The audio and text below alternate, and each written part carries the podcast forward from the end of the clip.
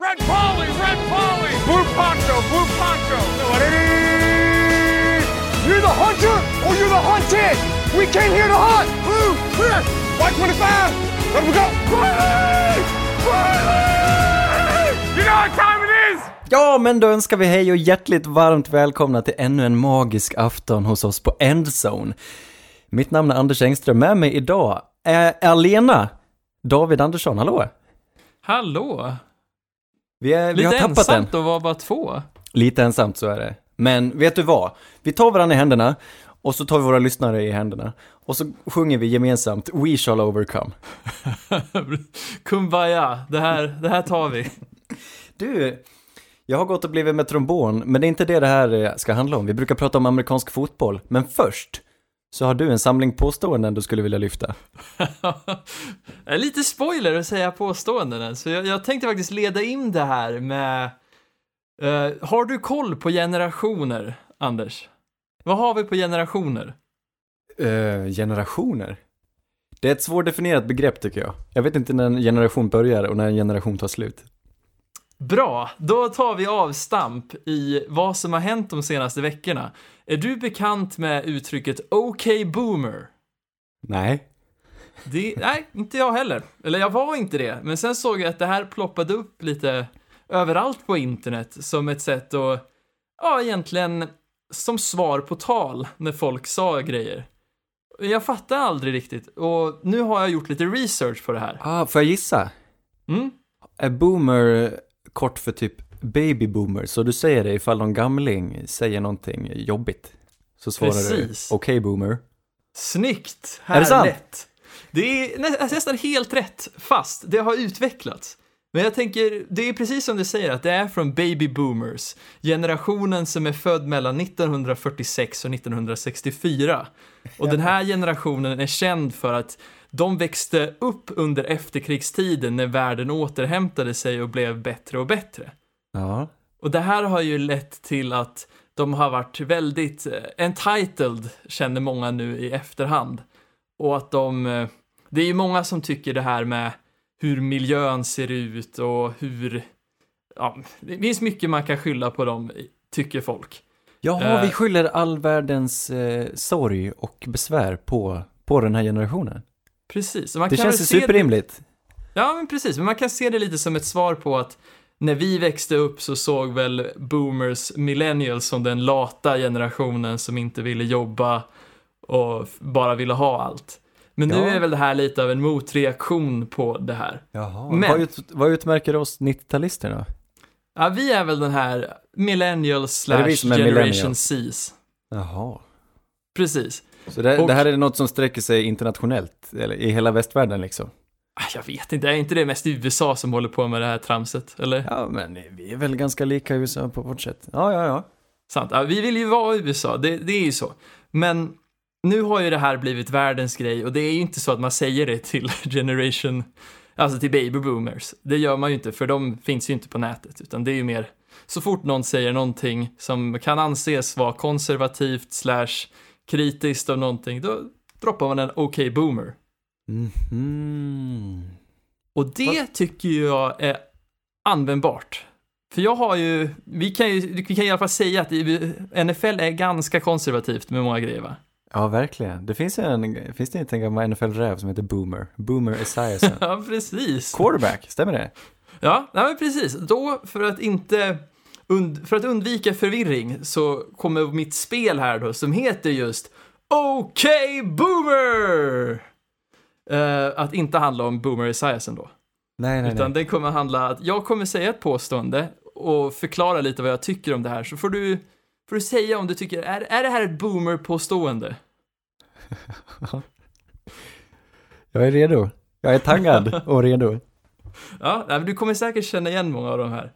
Men jag tänker att vi börjar eh, kanske lite enkelt då. Eh, I scoutkretsar så brukar man ju säga om en spelare som har bra arbetsetik som eh, a real blue collar guy, bring your lunch pail to work kind of guy. Och jag tycker det här är lite så här, äh, varför måste man referera till att han är så här arbetsklass?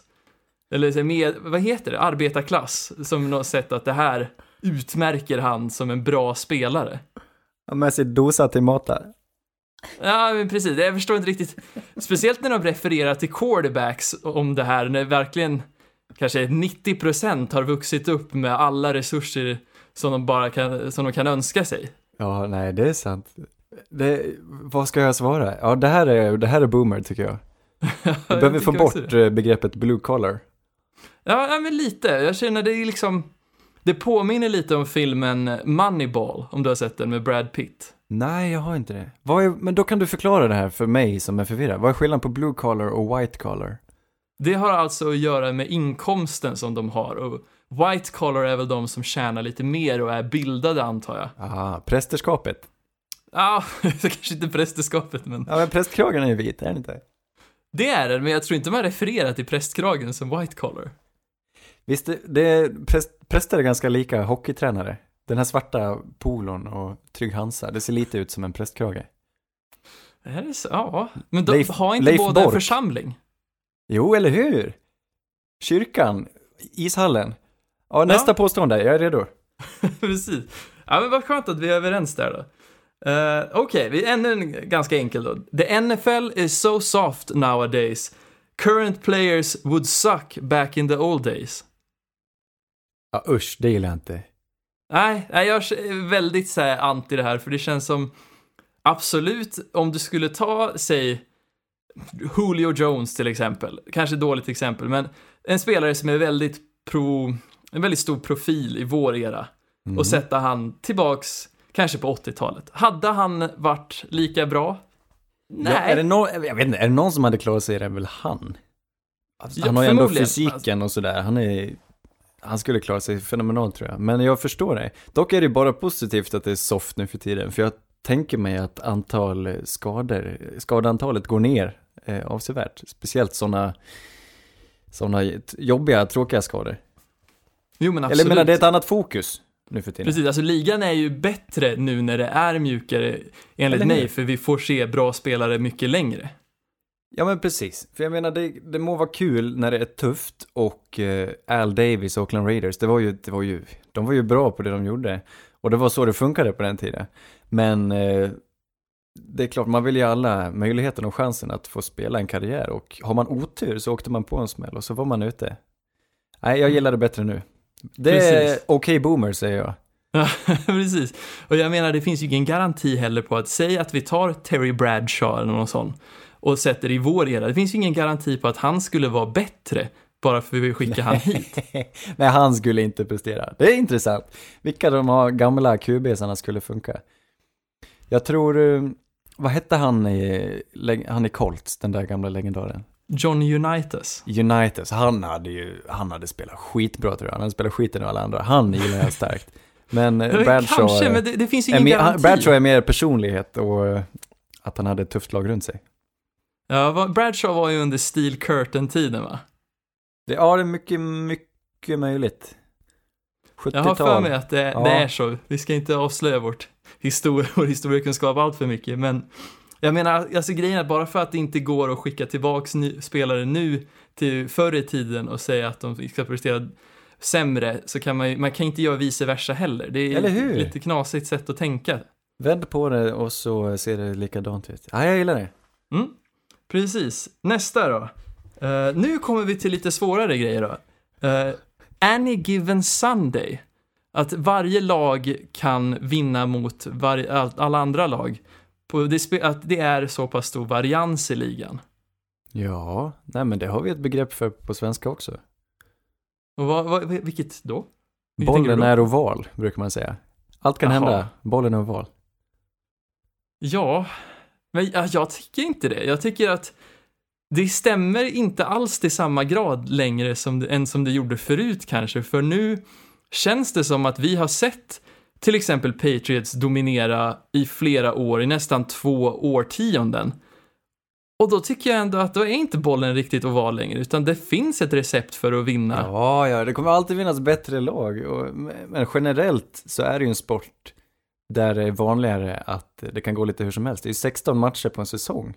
Och det kan fälla ganska stora avgöranden vad som råkar hända i en match. Jag tror just att bollen kan studsa lite hur, hur den vill. påverkar. Det är mycket som påverkar, mycket som kan gå snett. Jag, jag vill ändå hävda att Any Given Sunday har viss eh, tyngd bakom sig. Mer Ja. än i vissa andra sporter. Jag menar, Men Patriots gäller må det vara, ett, mer- må vara ett undantag, men annars är det ju, om inte Any Given Sunday så Any Given Year. Men för varje lag, du kan hoppa, du vet inte inför året vilka som kommer vara stora jämfört med andra sporter som rumfotboll. Där, eh, ja vad heter de? Liverpool och Juventus. Eh, vad heter de? Ajax? Nej förlåt, jag, jag Bayern vet. Munich är väl en sån som är en jätte som alltid är bra. Jag kan lagen egentligen. Feyenoord. Nej men alltså absolut, men jag vill ändå hävda att det är inte alls till samma grad som det var förut. Tror du för- inte? Jag tror det är bättre Nej. nu än vad det var förut. Förut så hade du inget lönetak. Nej men ändå så, alltså visst vi hade ju stora dynastier då också, men det är nästan ännu mer att det bevisar min poäng att dynastier skulle inte uppkomma i en liga där Any Given Sunday var det som definierade ligan. Nej, men vet du vad? Alltså jag, jag köper det du säger, men jag tycker Patriot är ett stort, fett undantag på allt det här. Jag kan inte förklara hur det är möjligt, men dynastier var vanligare förr. Och att någon ska kunna göra vad Patriots har gjort nu, speciellt på 2000-talet, det är så märkligt att, eh, att jag inte kan förklara det. Men jag tycker fortfarande att påståendet gäller. Om vi då räknar bort Patriots, kan vi inte bara göra det? Mm, ja men absolut, men då kan vi ju räkna, Steelers har väl varit en ganska stor subdynasti de senaste åren nu. nu. Nu har de ju gått ner sig lite i år Ja, men kanske, eller hur? Ja, året de. innan.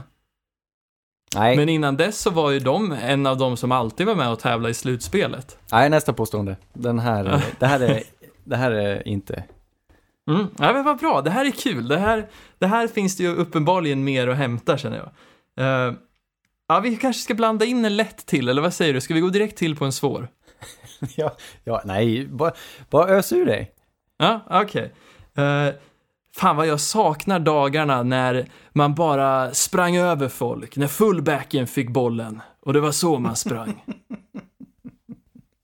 Och det här får ju mig att verkligen rysa, för det här är ju så, så ett skitsnack. Jag tror ingen hade velat se liksom en match där Frank Gore möter Frank Gore och man bara springer in mellan liksom tacklesen varje play.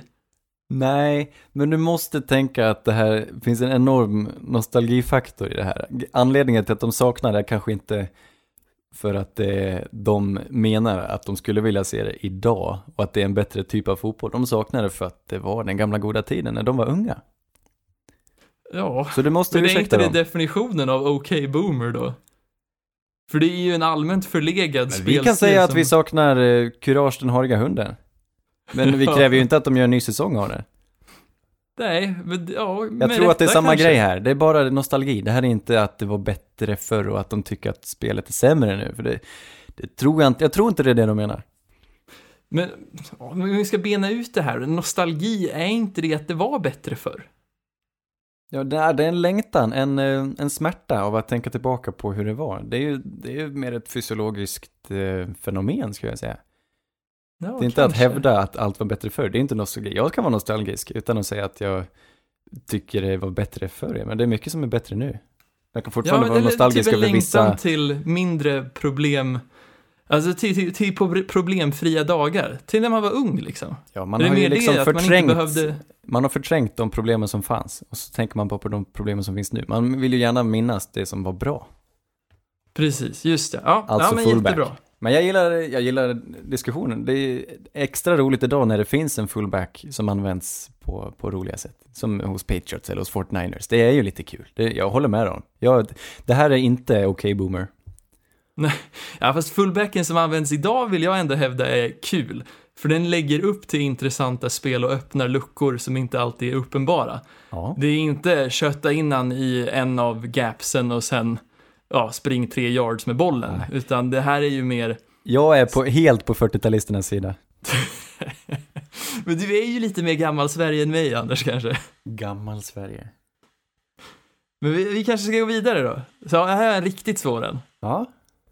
All right. Defense wins championships. Den är klurig du. Mm, den är, den är svår, men jag tycker det är inte det lite förlegat? Um, jag vet inte hur, när det här uppstod, om jag ska vara ärlig. För det här kraftfulla explosiva anfallet har ju inte funnits så länge, eller det var ju väldigt sällsynt för. Det har väl eh, kommit mer och mer sen, ja jag vet inte, sen, eh, sen Bill Walsh och på 80-talet kanske, jag ska inte säga det. Och att det här är mer en motreaktion på att eh, på att det är så, man fokuserar mycket på anfallet nu för tiden. Så, så säger man det, ja men du måste ha, ha ett defense också. Men du kan inte vinna ett, på bara defense. Det, om man skulle välja då, om du fick välja ett lag som bara hade ett väldigt bra anfall, typ Saints, eh, för några år sedan. Eller ett lag som bara hade bra försvar, typ Ravens för några år sedan, Broncos. Hur, vad, vad hade du valt? Vad prioriterar du? Jag tror inte jag väljer anfall, för det känns som ett anfall kan man garantera att man tar sig långt i regular season och har en bra vinn-lust liksom differential. Mm. Eller vinst-förlust äh, skillnad. Och det garanterar ju en hög sid och det känns som om man tittar på statistik så är det ofta så att första och andra seeds är de som oftast kommer till Super Bowl. Ja, nej, du, jag håller med dig här. Eh, jag, vill, jag tycker att den frasen är alldeles för överanvänd. För jag menar, det du ska göra för att vinna en match, det är att skapa poäng. Du kan skapa poäng på försvar, men du kan inte göra det, allt är ju lite slumpartat. Du kan ju inte eh, systematiskt skapa poäng på försvaret mer än några matcher i följd, utan, eh, men ett anfall, där jobbar du på hela sommaren för att liksom sprida ut bollen och systematiskt göra poäng. Och det är det det bygger på på något sätt. Jag tycker stommen ska vara anfallet och så får du gärna ha ett bra försvar som lite krydda. Men vissa tycker annorlunda, men jag håller med dig. Jo men precis, det känns som om man tittar tillbaks de senaste åren, vi har ju, ja förra året var ju en väldigt defensiv match, men som jag ändå vill påstå, det, definierades ju av de offensiva spelen som ändå skedde, för det var ju ändå på någonstans det som avgjorde matchen. Men det behöver inte vara, jag tycker det ska inte ska vara så svartvitt, utan eh, det gäller att ha båda. Det, Absolut. det är ju bara Det- ett lag som vinner Super Bowl, ett lag av 32. Det är det laget som har den bredaste truppen. Du kan inte vinna någonting på bara ett anfall. Det finns ju Mm. liksom inte. Eh, men du kan inte vinna något på bara ett försvar heller. Nej. Ja, jag skulle, kan vi säga så här då? Är det inte good coaching wins championships? Det känns ju som att det kanske är inte ett sägande, men det känns verkligen så. Eh, ja, men du, du ska ha allt. Ett bra lagbygge och en bra coach. Ja, det är sant. Det kanske är det viktigaste pjäsen när det kommer till kritan. Om man ska välja en sak. Det är väl en, det är en coach du ska bygga kring. Jag gillar det. Ja, men kul. Det här var väldigt produktivt. Vi kanske ska hoppa in i lite vanliga matcher också. Ja, först ska du få svara på, eh, han spelade 14 år, Boomer Esiason. Kan du nämna minst ett av lagen han spelade i? Cincinnati Bengals. Jajamän! Var inte han som, han var ju QB när eh, Chris Collinsworth var wide receiver också tror jag. Jaha. Bengals. Men se vad du kan. Ja, men det var där han gjorde sin karriär. Från 84 till 92. Sen hoppade han till Jets och avslutade karriären i Cardinals. Nej, han avslutade faktiskt karriären i Bengals igen. Ja, vad fint. Men han är väl mest känd från tv. Precis, är det- Inside the NFL, det här gamla härliga programmet som, som, det var som nutidens internet. Just det. Nu, nu går man in på internet för att se vad som har hänt. Då, gick man, då, då zappade man över till Inside the NFL. Eller NFL, NFL Today menar jag. Där har, eh, oh, är inte det, jo det är en av deras kanaler va? Eh, det var ett program. Nej, skit Just det, ja skitsamma, vi är det här, ja. Det här spårar. Du. det har ju varit lite matcher. Det har varit en ganska Mm. spännande helg. Alltså om jag får summera veckan så är det väl många skrällmatcher, eller vad säger du? Verkligen, det här var ju en eh, regress to the mean kände man att det folk, det, det, det var väldigt mycket skrällar alltså. Ja, ja det, det är vansinnigt vad allting händer på en gång. Det är många stora lag som förlorade. Både Saints blev ju tilltvålade av Falcons. Men, eh, ja men även Chiefs åkte ju på stryk. Precis, så Colts där dessutom. Ja, det är helt sjukt. Och Rams. Nåväl, vi börjar på torsdag. Torsdagsfotboll. Chargers mötte Raiders eh, hos Raiders. Raiders vann till slut med 26-24. Där Josh Jacobs sprang in den avgörande touchdownen. Eh, Philip Rivers, jag vet att du tycker väldigt mycket om Philip Rivers. Jag tycker väldigt mycket om Philip Rivers. Jag vill ställa frågan till dig, är detta, är detta början på slutet? Han hade en eh, ganska vidrig match om jag får säga det själv. Ja, det här, det här var ju en helt hemsk match och frågan är ju om det mer går att tillskrivas till torsdag nattsfotboll. Men jag tror också så här, grejen att inför den här matchen så kände jag mig väldigt lugn för jag visste, eller jag, vi har ju sett att Raiders inte har någon pass rush, eller inte hade någon pass rush rättare sagt. Och då borde Rivers florera och vara det som definierar matchen. Mm, men, men istället så får inte. vi se en helt annan match där Max Crosby och Cleveland Farrell lever bakom liksom o-linen och gör livet till ett helvete för Rivers. Och sen när Rivers avslutar matchen med att kasta, vad är det, nästan sju, sju incompletions av åtta möjliga kast. Det, ah, det, det, jag undrar om det inte börjar se mörkt ut för Rivers där, som, precis som du säger. Ja, det är just att han får tillfället att göra en two minute drill på slutet och försöka skapa poäng och sätter inte ett kast. Nej, det är oroväckande.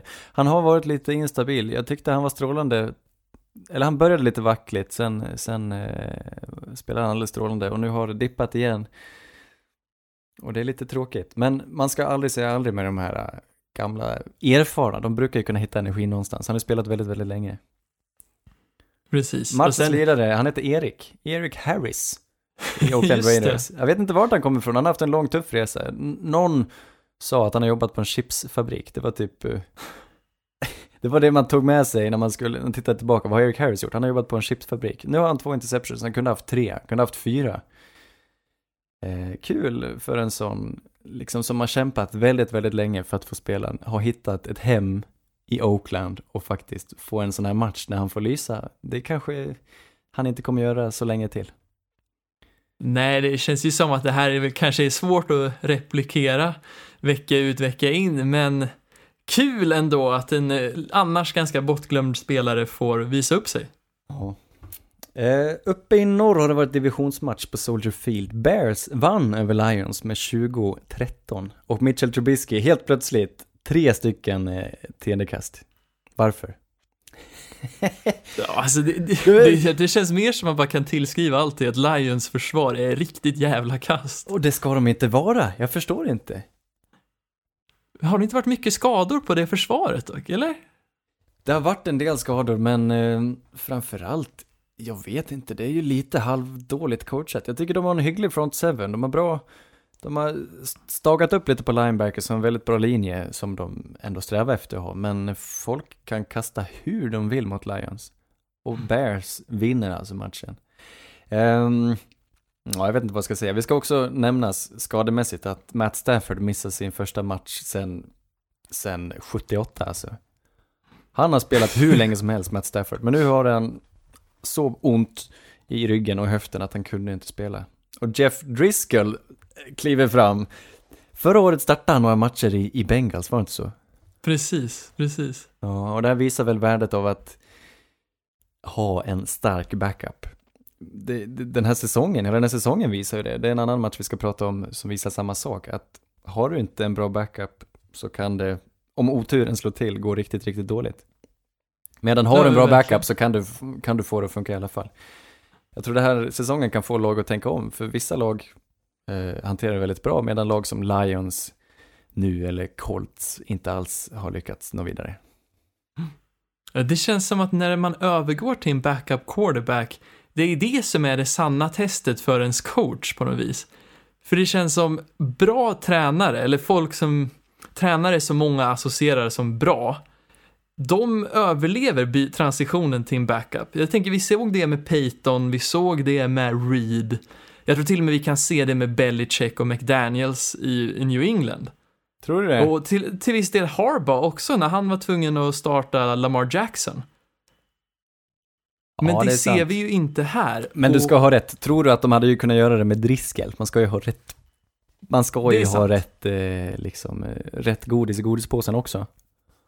Precis, men det, det borde inte det avslöja att de kanske litar sig lite för mycket på att quarterbacken ska göra quarterbacken saker och inte att quarterbacken fyller en roll i sitt scheme. Det är Ja. olika filosofier, absolut. Det, och det, den här säsongen har ju verkligen varit så. De har förlitat sig på Matt Stafford och han har haft jätteroligt och han har spelat jättebra. Men eh, det är också han som bär laget, det visar sig nu. Vet du vem jag vill rikta ett grattis till? Mm. Allen Nej, Robinson. Eh, Receivern där på Bears. Som har varit deras enda bra spelare på anfallet hela året. Nu får han en vinst, Allen Robinson. Jag vet inte hur många procent av passarna som går till honom, men det, när Mitch har tragglat så har eh, hans enda completions gått till Allen Robinson. Och det är ju på grund av att Allen Robinson är helt otrolig på att fånga in cirkusfångster som kan vara, alltså Trubisky behöver ju bara kasta den åt den riktningen som Allen är. Den behöver inte vara i bröstet eller något sånt. Han, han kan plocka den lite var som och det är just det som är hans styrka och kanske också räddaren i nöden för Mitch i nuläget. Ja, jag skulle vilja välsigna honom med en lite bättre quarterback någon gång i hans karriär åtminstone. Ja, precis. En sann tilltvålning skedde i djungeln uppe hos Bengals där Ravens var på besök och vann med 49-13. En total ny överkörning av Ravens nya anfallsimage ledd av Lamar Jackson. Vad är det som händer? Ja, det är en bra fråga du. Det, det vi ser är väl egentligen det, det bästa anfallet i ligan i, nu, i nuläget. Och jag menar, jag vill verkligen inte ta allt för mycket ifrån den här matchen. Eller men vad, sa du? kan det, vara, kan det vara ligans bästa anfall? Nej men jag tror enligt, om man, om man tittar på de flesta metrics så är ju det här det bästa la, äh, anfallet i ligan i nuläget. Det, det är så vackert så det finns inte. Just att det är så nytänkande, det är väl det som gör det så himla fränt på något vis. Jo men verkligen. Det är Lamar Jackson och hans tre tight ends.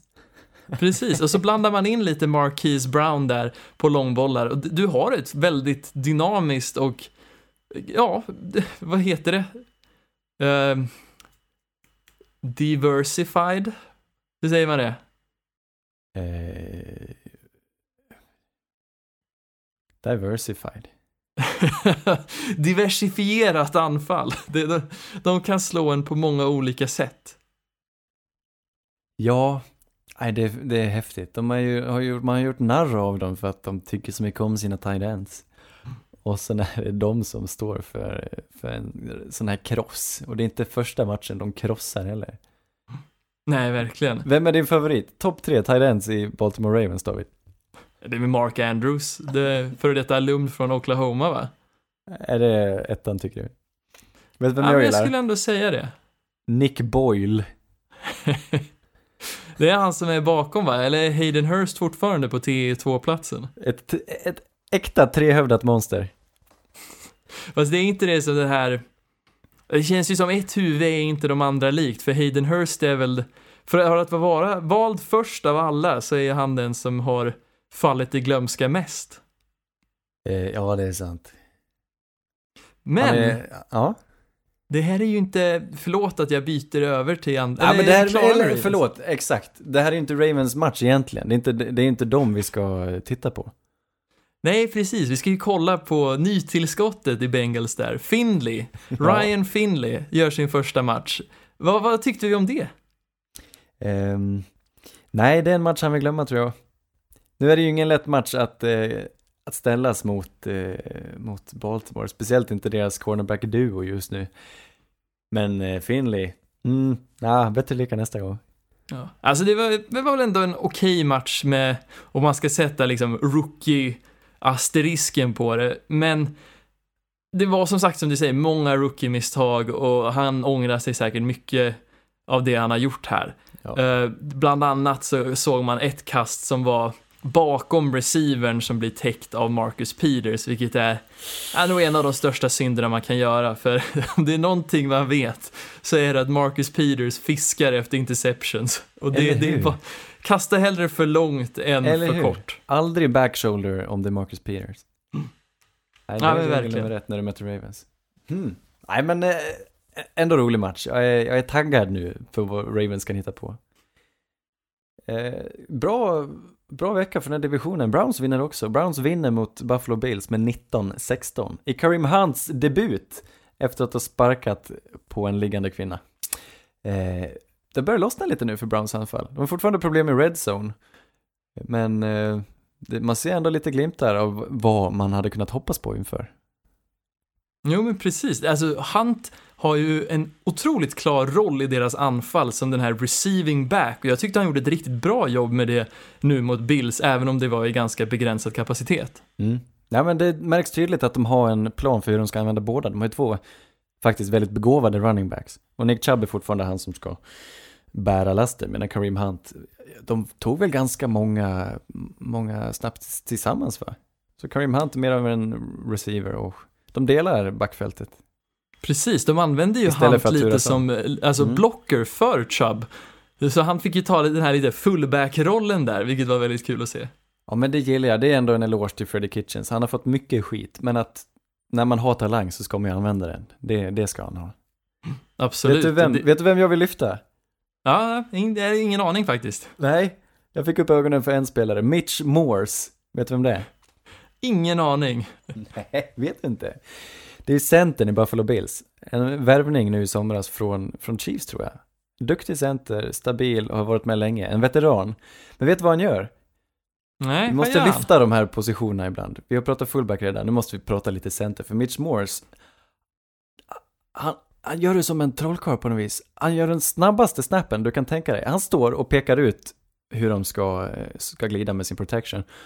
Och sen eh, innan det hinner blinka så är, så är bollen snappad. Han böjer sig och typ fipplar bak den snabbare än vad jag sett någon annan. Det är liksom ett trick han övar på tror jag. Det är väl en ganska bra egenskap som center också, att snabbt göra sig av med bollen och vara Ja. upp och liksom ta emot ja, trycket från den försvarade linjen.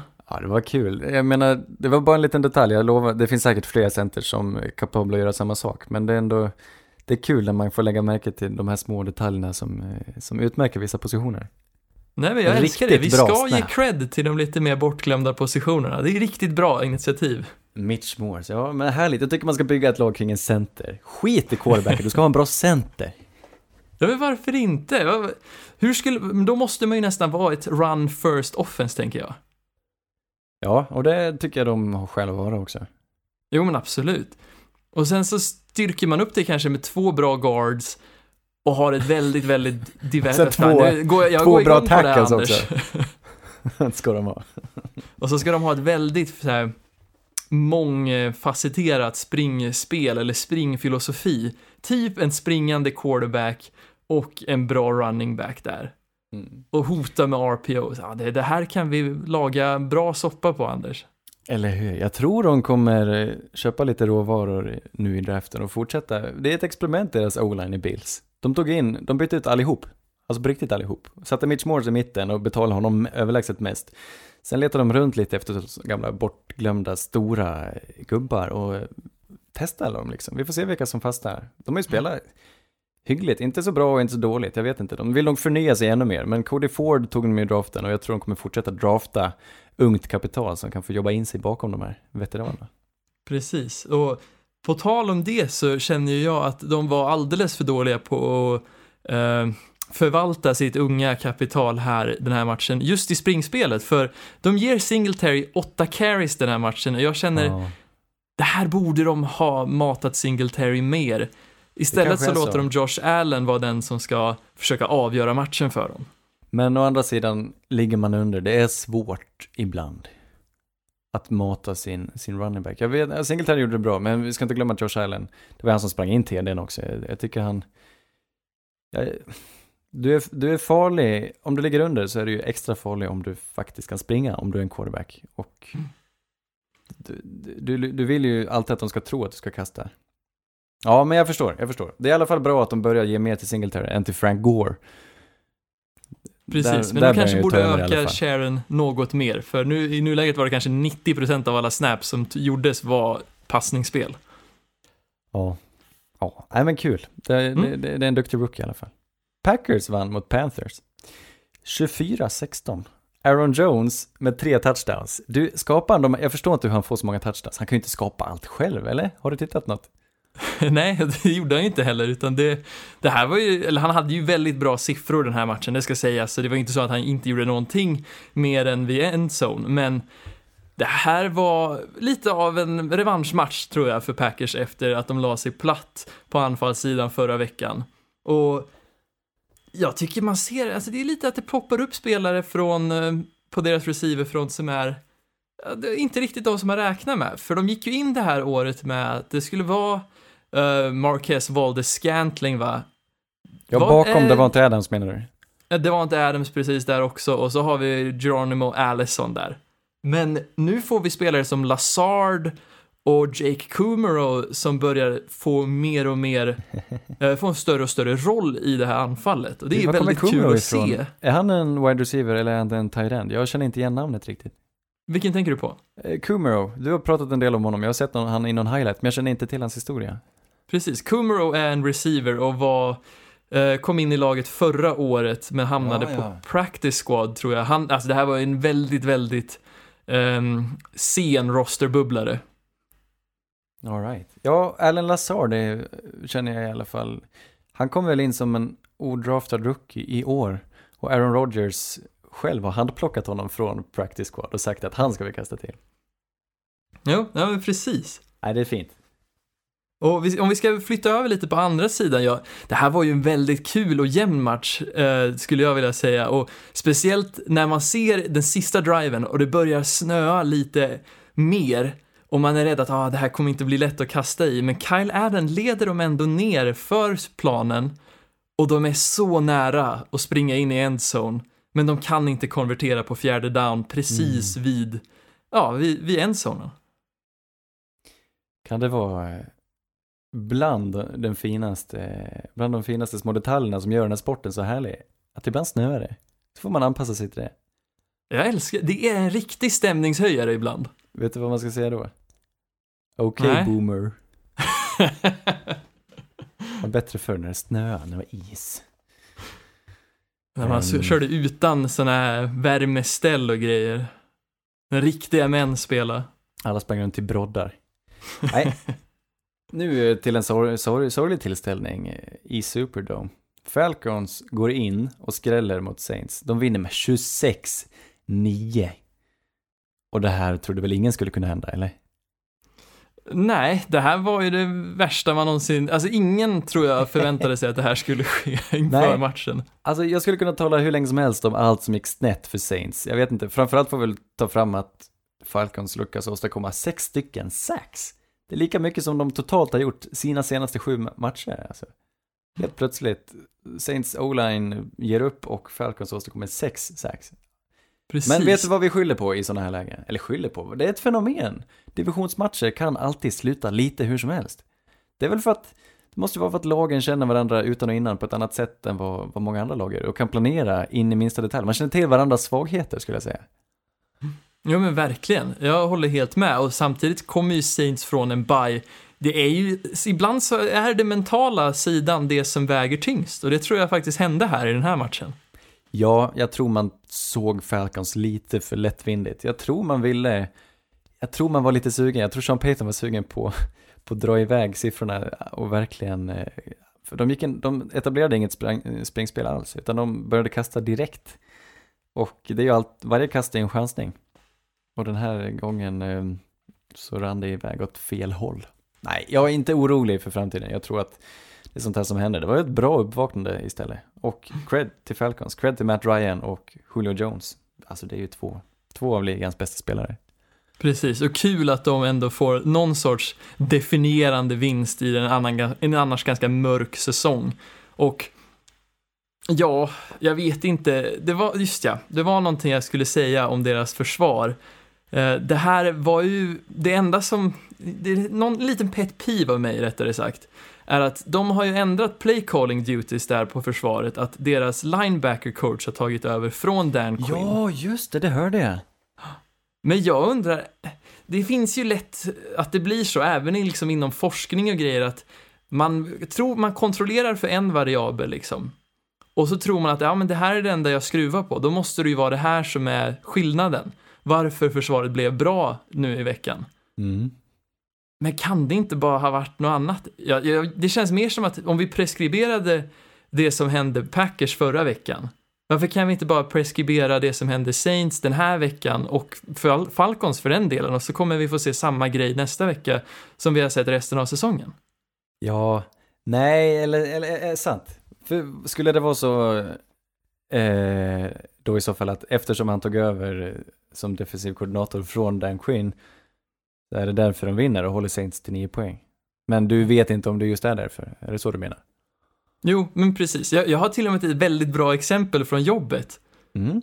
Och det, jag jobbar ju med maskinlärning och det handlar det mycket om att man lär datorer mönster. Och då fanns det en kompis som berättade en anekdot från en, vad heter det, en sån här tävling när man skulle känna igen pansarvagnar i skogen. Och då tränade man en modell då, försvaret. Och det var skitbra. Den hittade alla pansarvagnar, hur lätt som helst.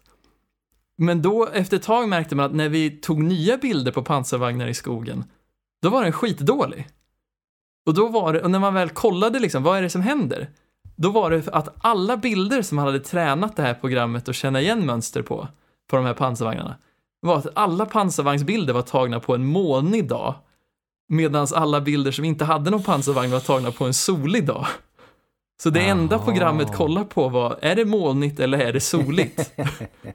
Och det är lite så här, så det det kanske inte är play calling duties, det kanske Nej. bara är en av de veckorna kanske. Eller Men att, ja, Saints Det kanske, platt. eller så är det precis det. Ja, vem vet? Jag tror inte Det Dan Quinn tar tillbaka pinnen i alla fall till nästa vecka. Jag tror han får nog fortsätta med det här. Mm, ja, men precis. Vi får väl ta en trial period på det här försvaret tror jag och se vad som Ja. händer. Du, ett äkta derby.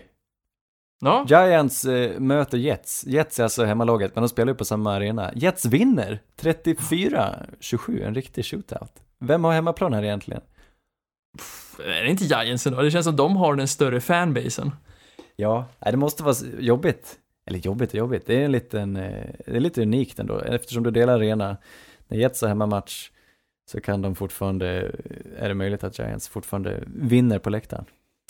Precis, men samtidigt så Jets hade ju kanske en mer jämlik publiksiffra med tanke på att Giants försvar också var på läktaren i stort sett hela matchen. ja. ja. Nej, inte- båda de här försvaren är ju lite på läktaren, förutom att Jets då råkar ha Jamal Adams. Och det är det som gör hela skillnaden. Mm, Jo, men precis. Alltså, jag, nu, nu, det är ju alldeles för enkelt att säga det, men kan vi inte få säga att han vann matchen åt dem? Ja, men varför inte? Och så men skönt att han får tvåla till organisationen lite med ett sånt styrkebesked efter alla rykten om att han skulle tradas till cowboys och liknande. Ja. Hur ser du på det här då? Sam Darnold gör en bra match. Eh, Saquon Barkley gör en dålig match. Och åstadkommer inte så mycket. Nu har Jetsen, alltså de har en ganska hygglig defensiv. Speciellt så är de bra på att stoppa springspelet just. Men Giants tog ju Barkley istället för Sam Darnold. Ja, är det värt att ifrågasätta igen? Nej, men jag tror faktiskt vi borde börja ifrågasätta lite, för även om Barkley kanske inte är helt hundra från skadan, det här är lite oförlåtligt att på 13 attempts ha en yard totalt. Det, det är liksom pinsamt. Mm. Och när Daniel Jones gör en så pass bra match tillsammans med Darius Slayton, så liksom, ah, det finns för mycket som bara går fel i Giants när de ändå har så pass mycket potential. Och jag vill ändå hävda att även om de inte draftade Sam, så tror jag faktiskt att de är mer nöjda med Daniel Jones i nuläget. Vet du vad? Eh, ja, Daniel Jones är så mysig. Så jag är, jag är också glad över detta. Jag menar, det, man kommer alltid diskutera, men jag, jag älskar båda de här spelarna, Daniel Jones och Saquon Barkley. Jag ser inte hur de hade, skulle göra på, på för annat sätt liksom. Nej, nej men Sen precis. var det väl å andra sidan en väldigt, det var väl en ordentlig, lite väl tilltagen QB-hets just i den draften 2000, ja inför säsongen 2018 där. Jag menar Baker Precis. Mayfield före Sam Darnold och sen eh, Josh Allen och, och, och även Josh Rosen, alla gick väl topp 10 nästan och sånt där. Precis, jag menar, Och alla blev ändå ju- urblåsta i år av Lamar Jackson som tog sist i första rundan. precis. Och året innan så var en svag QB-klass så har vi folk som pickade sent som Deshaun Watson och Patrick Mahomes som också liksom tänder Ja. eld på Nej, det ligan. går aldrig att veta i förhand.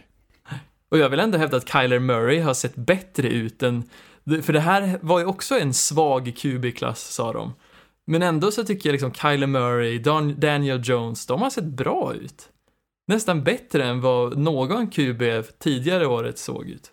Kanske Lamar Jackson då. då. Men det, han är ju Ja, svår att utvärdera. Fast, fast om vi tittar till förra året så gjorde ju Baker Mayfield en alldeles strålande säsong. Han spelar sämre i år, men hans rookie-säsong tycker jag slår både Kyler Murray och Daniel Jones och Gardner Minshew. Fast, eh, ja, kanske. Han spelade inte i...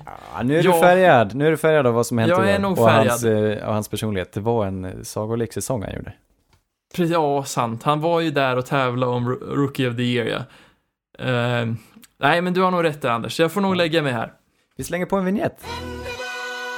Sannerligen underbart. Vi har fyllt på med lite kaffe. Du, ska, ska jag ta ett tjut i tuban eller? Ja, varför inte? Du säger ja, men du kommer ångra dig. Man önskar ju... Har du någon relation till blåsinstrument? Ja, jag spelade faktiskt saxofon när jag var yngre. Jaha. Kan du beskriva för folket där hemma skillnaden på träblås och bläckblås? Bläckblås är väl en sån som är gjord i, eh, i mässing, va? Eller i metall. Som, en typisk sån är väl en trumpet, trombon, tuba eller saxofon. Träblås Ja. snackar vi mer klarinett eller eh, vad heter de? Flöjt, olika flöjterna som finns. Ja, nästan. Saxofonen är faktiskt ett träblås, konstigt nog. Jag Hur kommer- kommer alltså- det sig? Eh, munstycket och hur ljudet bildas. Det är klaffande. Ja, ja, ja, ja. Just det. Ja, precis. Precis, det här är ju det kupade munstycket som är gjort i metall som Anders blåser i nu på trombonen. jag är dock ingen blåsare. Jag är slagverkare. Men nu, nu har jag bestämt mig. Jag ska bli blåsare också. Ser du dig själv, bara, Ha? om jag får ta tillbaks det lite till en rökig Chicago eller New York bar. Ser du dig själv mer som en Dizzy Gillespie på trumpeten eller är du The Bird, Charlie Parker på saxen? Åh, jag önskar ju, kan, Charlie Parker är ju en av de duktigaste musikerna någonsin. Men eh, jag får väl vara en liten storkindad Dizzy Gillespie. Då så. Hängde de i New York? Jag, har, jag kan Det inte så mycket de. om jazz. Är det inte där härligt. bebop, Vad fint att du eh, kan det. Ja, det är möjligt. Jag tänker bara på New Orleans och, eh, och eh, vad heter den, vad heter den sortens, Dixieland. Just det, precis. Vi är pinsamt dåliga på jazz, vi är också pinsamt dåliga på collegefotboll. Men en match måste vi väl kunna ta oss an ändå. Det har ju spelats stor match, kanske årets största match. Den viktiga matchen i Southeastern Conference, där Alabama tog emot LSU.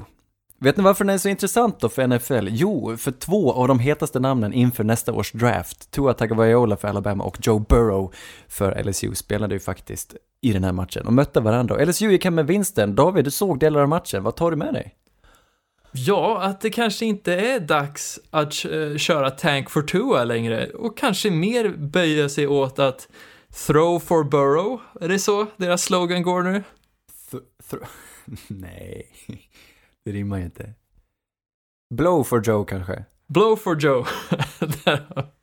Blow for Joe. För när jag såg den här matchen, jag såg i stort sett bara första halvan eller de första tre kvartarna. Och det här var ju innan Alabama gjorde sin comeback när jag tror vi såg mer från Tua.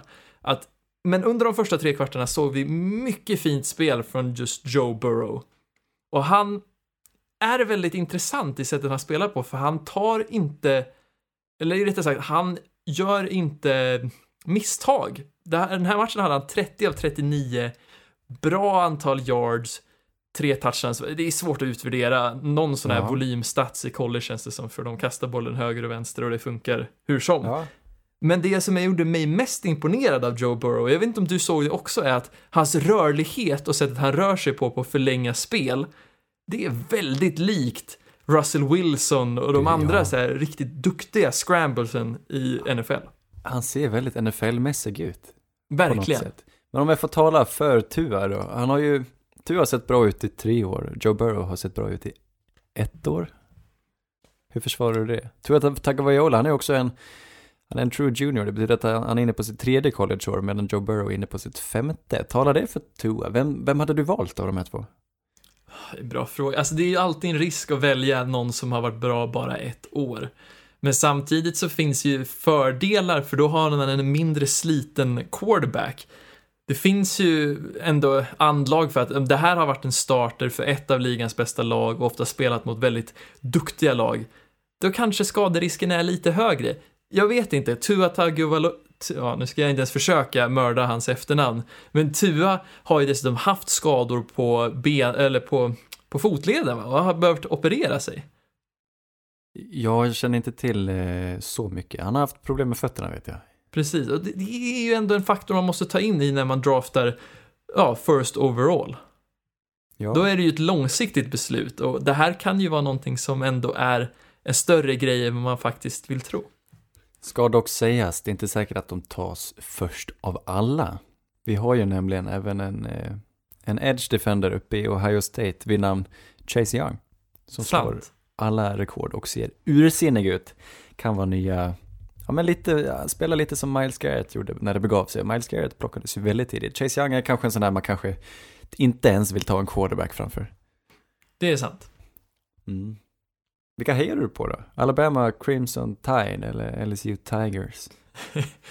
Jag var väl kanske lite mer på, på Bama-tåget, men jag tyckte eh, LSU var spännande.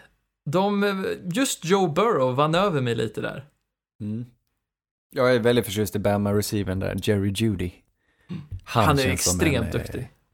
Ja, han, har, han är mångfacetterad också, han kan allt. Och sen, vi måste ju ändå nämna att jag blev ju väldigt kär i LSUs coach, Ed Orgeron, som kanske har Ja, en av de mest eh, ikoniska rösterna någonsin. Jag kommer nog aldrig glömma intervjun med Jaha. han inför matchen. Nej, vad fint. Är den djup och vacker eller är den... Eh, Skrovlig, det känns som att han är definitionen av Marlboro Man. Det är kanske elakt, men jag minns också att han var med i The Blind Side. Så det är liksom, ja, det finns mycket att hämta här. Den gamla filmen om, åh, vad hette han nu då? Michael O'Hare, left tacken som sen inte gjorde så mycket i NFL, men som har en film med, och vad heter hon då? Är det Lindsay Lohan? Kate Beckinsale? det är inte Kate Beckinsale. Vad tyckte du om matchen, Anders? Du, jag såg inte så mycket av den. Kul med skräll, kul med... Ja, man får ju som, som Saints fan får man ju tycka om när Louisiana State vinner en match. Intressant. Det här är två väldigt, väldigt, väldigt starka lag som också spelar i samma, samma halva av divisionen va?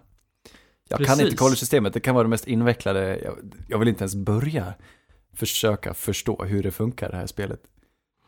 Men Nej, precis. collegefotboll i all ära, NFL-fotboll är lite mer, den är lite mer eh, lättbegriplig. Precis. Och nere i Tampa Bay, där vinner Buccaneers över Cardinals. Eh, Eriks påsmatch som tyvärr inte sitter då, för Buccaneers vinner faktiskt till slut över Cardinals med 30 mot 27 poäng. Men dock gjorde Cardinals allt den här matchen. De vann inte, men annars stod de för det mesta. Åtminstone highlightsmässigt. Alla highlights, alla big plays stod eh, Kyle Murray för. Jag tyckte det var, det var liksom Cardinals match, ändå vinner Tampa. Mm. Men Tampa gjorde ju ändå en bra match ifrån sig. Vad jag såg, de korta snuttarna som visades på söndagen, det Mm. kändes också som att det James Winston gjorde för att liksom ta kommando i matchen, i matchen gav han ändå också bort genom att kasta två ganska hemska interceptions. Ja, nej men det är ju en starkare trupp Tampa, och därför ska de ju vinna. En ny spelare dock. Känner du till Jamel Dean? Ingen aning. Nej, det här är en, en defensive back i Tampa. Han togs i år, han är en rookie. Jag tror han härstammar från eh, Auburn, universitetet där. Eh, De har ju haft problem, de har ju draftat väldigt, väldigt mycket genom åren, just på secondary, försökt hitta en bra corner. Nu har de precis idag släppt Vernon Hargreave som de tog tidigare i första rundan något år. Men den här Jamel Dean, han klev in i förra matchen mot Seahawks och då hade jag ögonen på honom. Han var han var en ganska stor kille, avslappnad, vitt uppspärrade ögon. Som att han, han ser väldigt lugn samtidigt som han ser väldigt skärrad ut. Och eh, han blev överkörd av Russell Wilson, men så lyfte han sig totalt och så eh, dominerar han den här matchen istället mot Cardinals. Så en stor anledning till att Buccaneers faktiskt vinner. Kan vara ett framtidsnamn. Hoppas det för deras skull. Ja, verkligen. Kul att äntligen få någon på deras secondary som kanske kan vara en stö- stöttepelare där. Ja, de har suktat efter det bra länge nu. Kan du nämna en, eh, kan du nämna en bra DB i Buccaneers historia? Uff, är det 2002 där kanske vi, vi har Ja, deras fanns historiska försvar? Där, där, så långt bak kanske. Ja, nåväl. Inte så mycket mer att säga än att vi får berömma båda lagen till en, till en väl genomförd match. Det var Mm. kul, underhållande. Skräll, skrällvarning, Titans vinner över Chiefs med 35-32. Jag förstår inte vad som händer. Vad har Tannehill, David? Vad har Ryan Tannehill som Mariota saknar? Ja, tydligen en mer, bättre förståelse för passspelet. Uh, eh, sen blev de ju väldigt hjälpta här, ska ändå sägas. De, de se, såg ju bra ut i passspelet, men det är liksom bra och att styra matchen, det är olika saker, för det kändes som det här var ett Titans-lag som de behövde att eh, Derrick Henry började ta över matchen i andra halvan. Ja, ja, det kan han göra. Har han en bra dag, då tar han över. Finns det Det någon mer också- unik running back i sporten? Jag tycker han tar ändå priset. Han Nej, är överlägset precis. störst och han är så pass upp och ner, man vet aldrig vad han har han, men har han en bra dag, då finns det ingen som kan stoppa honom. Det var som den där matchen mot Jaguars förra året. Jo, ja, men precis. Och jag börjar liksom, du vet det vi pratade om i början på säsongen med att de har ett väldigt stort lag på skill positions. Ja, Det känns lite som att vi, att vi har glömt det, men jag börjar ju verkligen se vad deras filosofi är. Det är ju att trötta ut mo- motståndaren. De är det här, du vet när man spelar fotboll när man var liten, det här lite mer gruffiga laget från, från sko- urskogen typ. de eh, som kom tidigt in i puberteten. Ja, precis. Eller de som hade för lite folk i en åldersgrupp liksom, så de var tvungna att ta in äldre snubbar och spela för att ens få ha ett lag. Var det ens tillåtet? Ja, Jag tänker typ, Stora Skedvi var ju det penultimate, att de tog in liksom 93 eller 92 i 94-laget. Det, det var ju omöjligt, de tröttade ju ut den för de var ju dubbelt så stora som en. Kolsbyheden. Ja, precis. Man höll ju en, en halvlek. Och det är lite Ja. så Tennessee spelar också, att de spelar hårt och de spelar med sina otroligt fysiska stora skill position-spelare. Och till slut måste försvaret ge vika, för de orkar inte. Man kan inte Mm. hålla på och gruffa med Derrick Henry och med A.J. Brown i fyra kvartar. Det är två till tre max, sen så börjar det läcka. Nej, nej men lite härligt, eh, härlig kontrast. Veckan innan vill jag minnas att Chiefs eh, höll eh, Dalvin Cook och Vikings springspel. De höll, höll stången där. Men så fick de ge vika totalt nu när, när de mötte Titans och Derrick Henry. Intressant, vissa lag är ju byggda för vissa situationer och här, var, och här har Titans hittat receptet. Precis, men det är som sagt inget som är garanterat, för de är ju, de svänger. Det är Titans väg. Nej, det vet vi. Ingen känner, du, jag tycker du får vara poddens Titans expert. Hur svårt det än må vara så är det du som har någon form av koll på dem. Ja, nej, men absolut. Det är bara jobbigt att behöva vara den som ska ansvara för ett så otittbart lag i stundtals. Ja. Men eh, vi får glädjas åt att Patrick Mahomes är tillbaka.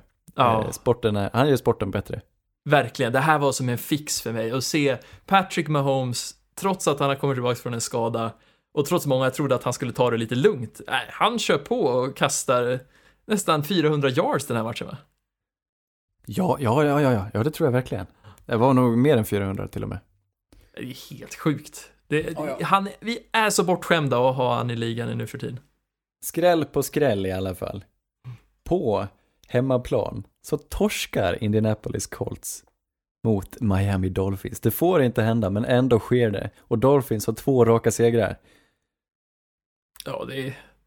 Men Dolphins har ju sett bättre ut ända sedan Ja. de faktiskt bestämde Nej, sig för sant. Ryan Fitzpatrick. Det, man, man förstod att det kunde hända, men det måste ju vara, det måste vara bittert. Och här ytterligare ett exempel på vad som kan gå fel när, när ens quarterbacks försvinner. Nu ska ju inte, ska ju inte, nu har ju Colts gjort vad de kan efter att Andrew Luck försvinner. Men när Jacoby Brissett kunde inte starta den här matchen. Och Hoyer, the destroyer, eh, förstör allt deras hopp. Nej, jag- jag måste säga, Brian Hoyer förlorar matchen på egen hand nästan. Verkligen. alltså cred till Dolphins, kul, kul lag på många sätt, men Brian Hoyer, urusel, eh, tre interceptions mot Dolphins som kanske hade tre totalt hittills innan den här matchen. Ja, men verkligen. Det, det är ju lite Hoyer the Destroyers väg, att han är ju blind. Han förstör antingen det ena laget, eller så förstör han sitt eget. Det spelar inte så stor roll för han. Och det här är ju också ett Colts-lag som är ganska skadat i nuläget. De har ju, Jätte, saknar ju nyckelspelare. De har varit det hela säsongen. Är det inte det ena så är det det andra. Och kanske den de saknar mest i nuläget får väl anses vara T.Y. Hilton. Verkligen, de behöver något stort vapen på utsidan. Ja, finns det hopp? Kan Dolphins, eh, kan de vinna fler matcher? Det tror jag ändå. Jag tycker liksom, det här är ju ett lag som är större än summan av sina delar. Och det kan man nog ändå ge lite cred till, vad heter han, Mike Flores. Ja, Brian Flores. Ja. Brian Nej, Flores. men eller hur? Flores. Precis. Vi, vi tycker om att hålla oss i nuet, men med Miami Dolphins, de tänker ju väldigt långsiktigt. Finns det några spelare som, nu då, det måste finnas några som utmärker sig. Man, man skeppar ju iväg allt kapital man har, ser det ut som. Men det måste ju fin måste finnas någonting man, att bygga kring. Jag försökte ta reda på vilka spelare som de faktiskt, som faktiskt utmärkt sig- så pass att de kan bygga kring. Och första priset i år måste jag ändå säga är rookien Preston Williams, wide receiver. Ja, verkligen. Har du, har du uppfattat det? det? Han gör en jätte, jättefin säsong, Preston Williams. Han kliver ju fram som deras bästa receiver nu. Det är ju Ja. väldigt kul att se. Han är nog det. Han var ju väldigt bra och högt, kanske inte högt aktad, men ändå, folk varnade för honom inför draften, där, eh, där det tvivlades kring, jag tror det mest var hans eh, personlighet och saker utanför plan som, eh, som var problemet, men han är en superduktig receiver. Nu var jag tror inte han var med i den här matchen, jag tror han är skadad, men eh, det, han, han är en sån spelare man kan bygga runt. Verkligen. Och sen har de ju ändå sin, sitt första runds pick, Christian Wilkins och Savian Howard på försvaret. Så jag tror ändå att det finns ju saker att bygga på där också. Ja, han är inte ensam Saven Howard. Nick Needham, en annan cornerback som faktiskt hade en, han hade sin första, undrar om det var hans karriärs första interception den här matchen. Han tror jag de behåller. Ja, spännande ändå att se vad vi får för Dolphins-lag kommande år, för det är ju där allting avgörs, precis som Ja. du säger.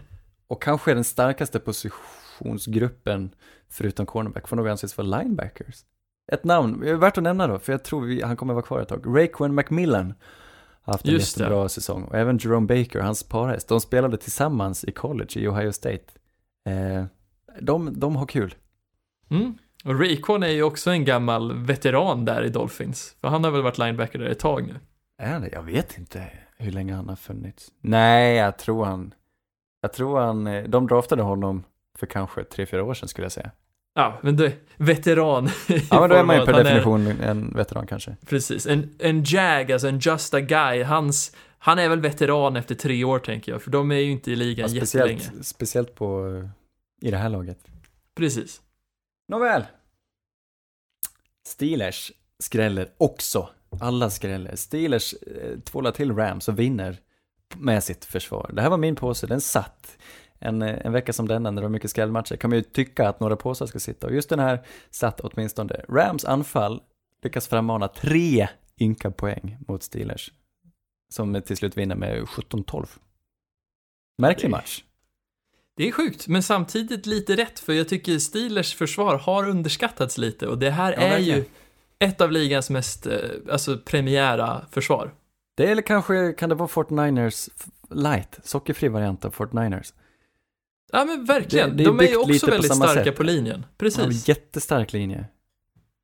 Och många som, som imponerar. Det är ju inte bara eh, Broder Watt där på kanten, utan hans, de är, alltså, det är kvalitet över hela. Vad heter han gamla veteranen där? I mitten? Eh, Cameron Hayward tänker Cameron du på. Hayward, ja. Och, eh, De, de har, ja, kul, kul att någonting funkar. Framåt funkar det inte lika bra. Mason Rudolph, fortfarande, han har fortfarande inte visat eh, hur, man, hur han, eh, jag menar om han ska ta över laget framöver eller inte. Jag tycker vi får avvakta lite med den diskussionen till slutet på säsongen kanske. Men nu är det försvaret som styr och ställer och Minka Fitzpatrick gör ännu en interception och ännu en touchdown efter en fumble recovery. Vilken, vilken säsong han gör. Verkligen, och jag tror många var ju kritiska till den traden Steelers gjorde för Minka, men han har ju vänt deras säsong. De är ju med och tävlar om en playoff-spot nu. Ja. Nej men det är de i allra högsta grad. Nej det är, det är så roligt. Det var samma grej som förra, förra året när de, var det Cowboys som skickade iväg en första rundepick för Amari Cooper och så vände han hela laget. Och de Ja, verkligen. playoffs. Ja det är, det krävs, det är ju alltid en chansning men ibland går den hem.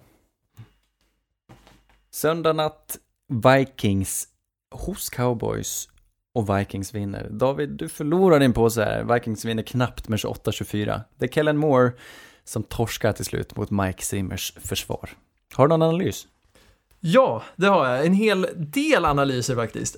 Och det är otroligt kul att se Amari Cooper spela när han är het och han bjöd på några riktiga, alltså skönhetsfångster här när han, han är kanske är ligans bästa toe tapper.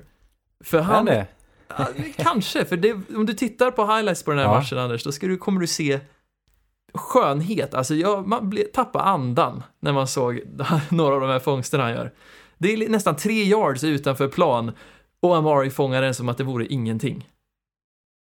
Ja, det, det är en fin egenskap. Jag menar, alla receivers tränar ju osinnligt mycket på just det där. Men det är sällan tillfället uppstår. Kanske om man inte är en sån framhävd människa som är Mark Cooper, som får väldigt många bollar på sig. Men många tränar ju på det och får kanske aldrig visa upp det. Just den här toe-tappen. En, en märklig, jag tycker det är en liten egenhet. Det är kul ändå, för det det är som sagt, det kanske är svårt att exekvera på det i crunch time. Och när man ser de här mer rutinerade receiversna faktiskt göra det här konsekvent, då är det otroligt häftigt att se. Och sen måste vi också höja en eloge till Dak och Randall Cobb här.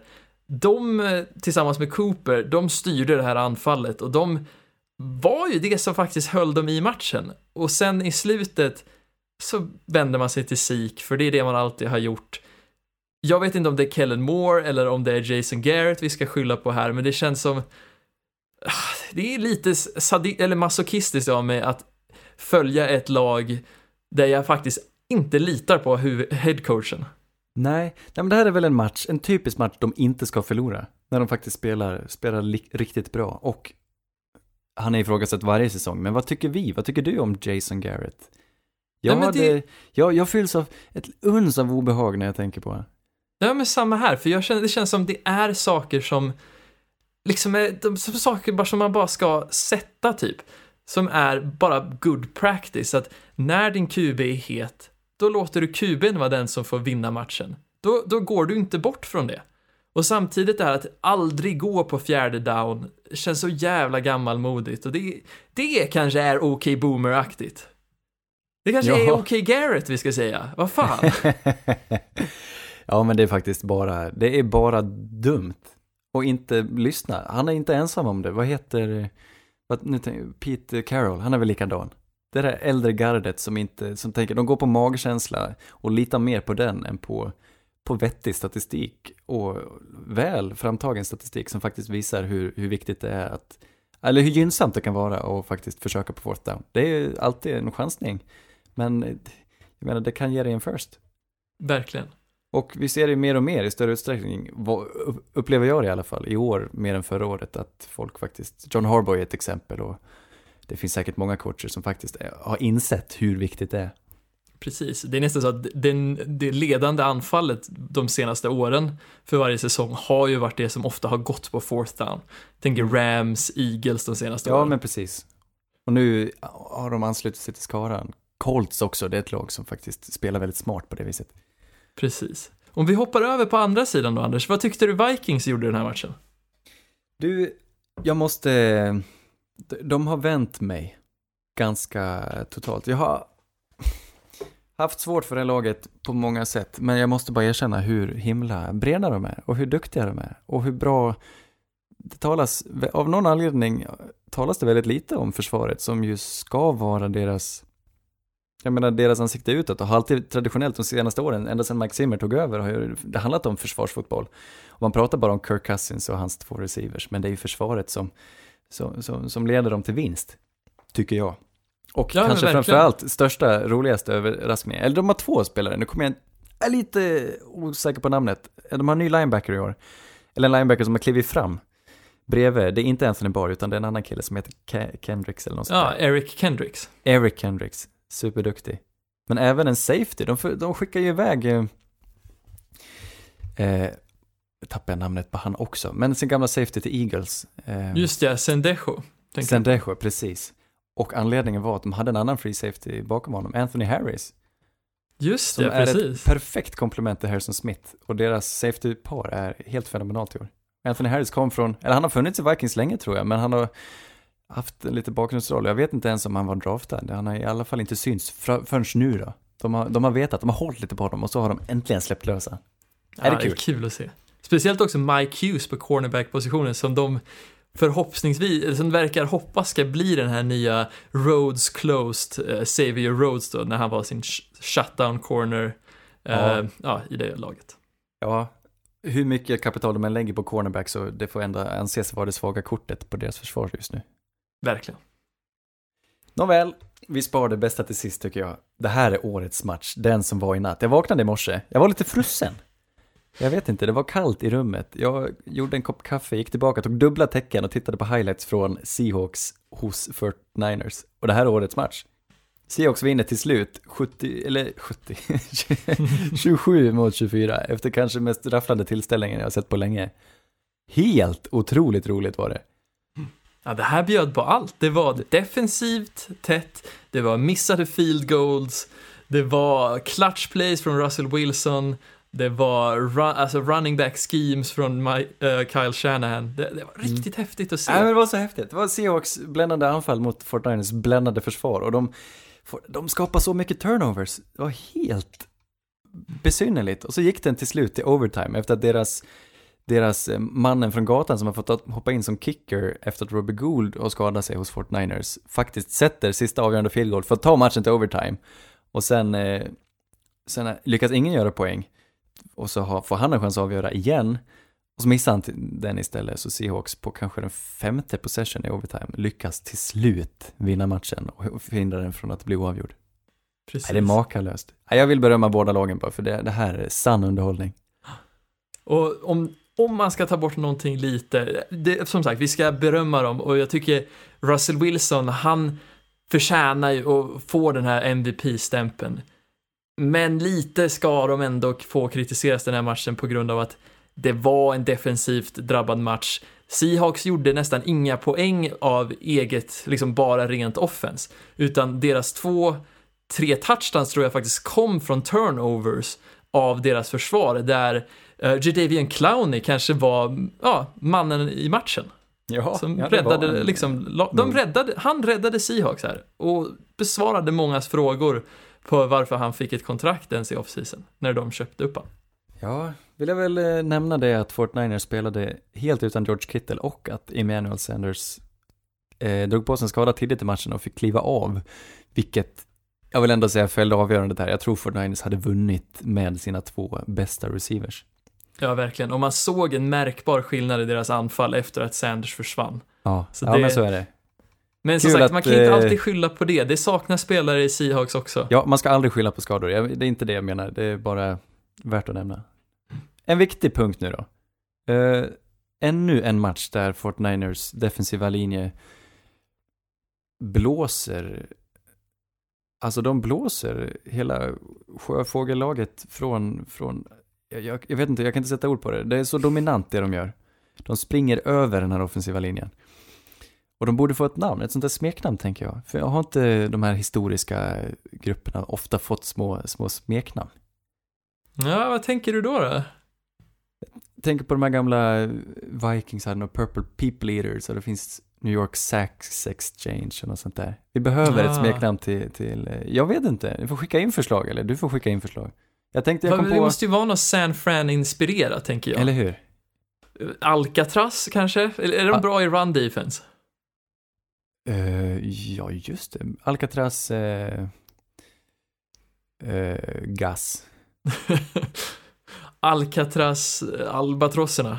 Golden Gate, Golden Gate, The Golden Gate Greats. Golden Gate är ju jävligt, är inte det catchy dock?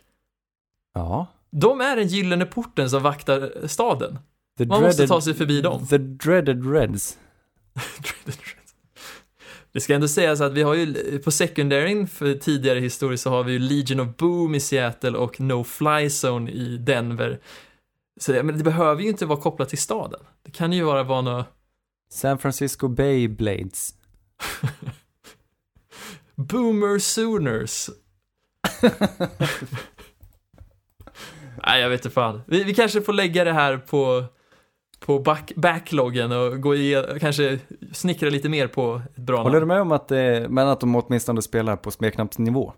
Ja, ja, absolut. Det Jag här, tycker det är dags. Det kanske redan finns ett, jag har inte, bara inte, det har, jag har inte nappat på det, men eh, det krävs ett smeknamn för jag har aldrig sett något liknande. mm, verkligen. För jag menar, Patriots har ju mött lite cupcake-lag, absolut. Och de är, alltså, de är ju också uppe där i DVOA som är helt or- orimligt om man tittar. Ha, Ja. De och Niners i defense Ja, precis. DVOA. Ja, men kanske att Patriot Secondary kan få ett namn och eh, så kan Niners eh, defensiva linje få ett namn. Absolut, det håller jag Så helt gör med. vi. Vi slänger på lite vignett. Sannerligen ejakulat. Nej, förlåt, så kan jag inte säga. Vad, e- ejakulat? Jaha, du tänker på det, e- ejaculate. Eller är det, är det svenskt? Kan man säga ejakulat? Ja, det tycker jag man kan. Du tänker på undulat? Nej, nu. Nej. Sannerligen underbart. Nu blickar vi framåt, David. Ja, det gör vi. Vet du vad jag tror? Jag tror det kommer bli en helt fantastisk söndag. Jag känner det på mig. Ja, det är mycket Många möjligt. bra matcher. Men det här, de, de här, eh, november är ändå höjdpunkten. Det är de bästa matcherna spelas i november. Vi börjar i Cleveland, där Steelers möter Browns. Och den här är lite svårtippad tycker jag. Jag tycker den är lite 50-50 faktiskt. Oddsen står på Browns sida, kanske för att de har hemmaplan och för att de har de här bra spelarna. De kan ju vinna vilken match de än spelar. Men jag vill nog ändå hävda att Steelers, återigen, det de gjorde mot Rams bedrövliga o-line kan de likväl göra mot Browns bedrövliga o-line. Jag tror Steelers, på samma vis som de har spelat hittills, faktiskt kan ta hem den här segern också. Jag håller med. Jag ser faktiskt Browns lite på samma nivå som Rams i hur de spelar. Steelers försvar kommer vara svårt. Jag menar, Browns har haft problem mot försvar nästan två matcher i rad nu, för om inte Hauska hade missat två field goals eh, i Bills-Browns-matchen, då hade ju Bills kanske till och med vunnit den matchen. Och det är just därför som jag känner att, ja men tredje gången gilt, uh, Steelers tar den här, jag kommer dessutom påsa Steelers här. Nej men, oj! Ja, lite diskret, men det... Och lite skäms jag också, för jag vill inte se den här matchen egentligen. för jag tycker inte om något lagen är så kul att titta på live. Men nu får jag stå mitt kast. Det tycker du ska Jag tycker Browns eh, är väldigt roligare att titta på. Men Steelers, alltså, är det något Baker Mayfield är dålig på så är det ju att hantera tryck. Han är dålig på att kasta när han har någon i ansiktet och Steelers kommer vara i ansiktet på honom. Så Steelers tar den. Nåväl, vi går vidare. NFC South divisionsmatch igen då. Panthers tar emot Falcons. Vad tror du kommer hända här? Bra fråga. Jag undrar ju, här blir ju faktiskt eldtestet. Kan Falcons återupprepa sin prestation förra veckan mot ännu en otroligt duktig running back och ja, kanske en game manager till QB då? Jag vet, det känns ändå... Oj, vad är det här?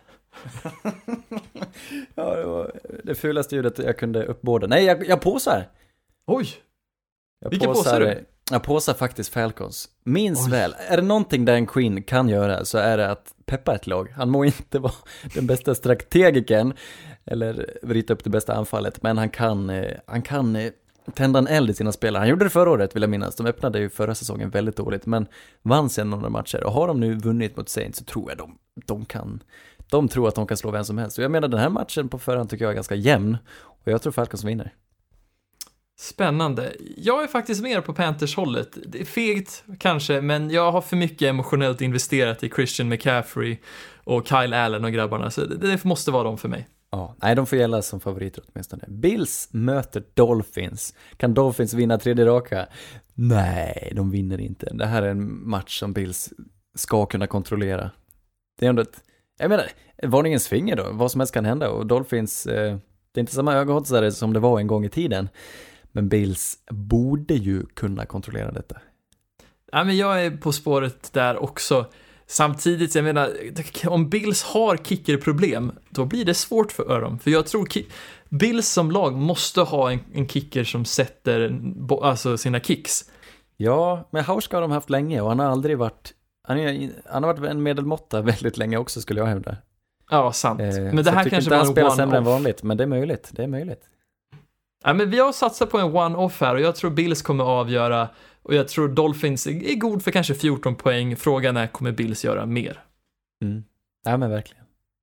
Dallas mot Detroit är, eh, finns inte så mycket att säga. Lions, de spelar sämre och sämre. Tyvärr, de öppnade ju så, så inspirerande, men om Matt Stafford fortfarande är skadad, vilket jag inte vet, men om han missar match till, då vinner Dallas utan bekymmer. Verkligen. Och det blir ju spännande att se hur Cowboys försvar blir testat av Stafford om man nu skulle välja att starta, men det jag såg på anfallet och den Dak är i år, jag är cowboys här och det har jag ju varit väldigt länge. Det är inte ja. så förvånande. Nej, men hips don't lie. Dallas tar Nej, precis. eh, vi åker upp i norr, Broncos gästar Vikings. Och eh, vad tror du om Brandon Allen?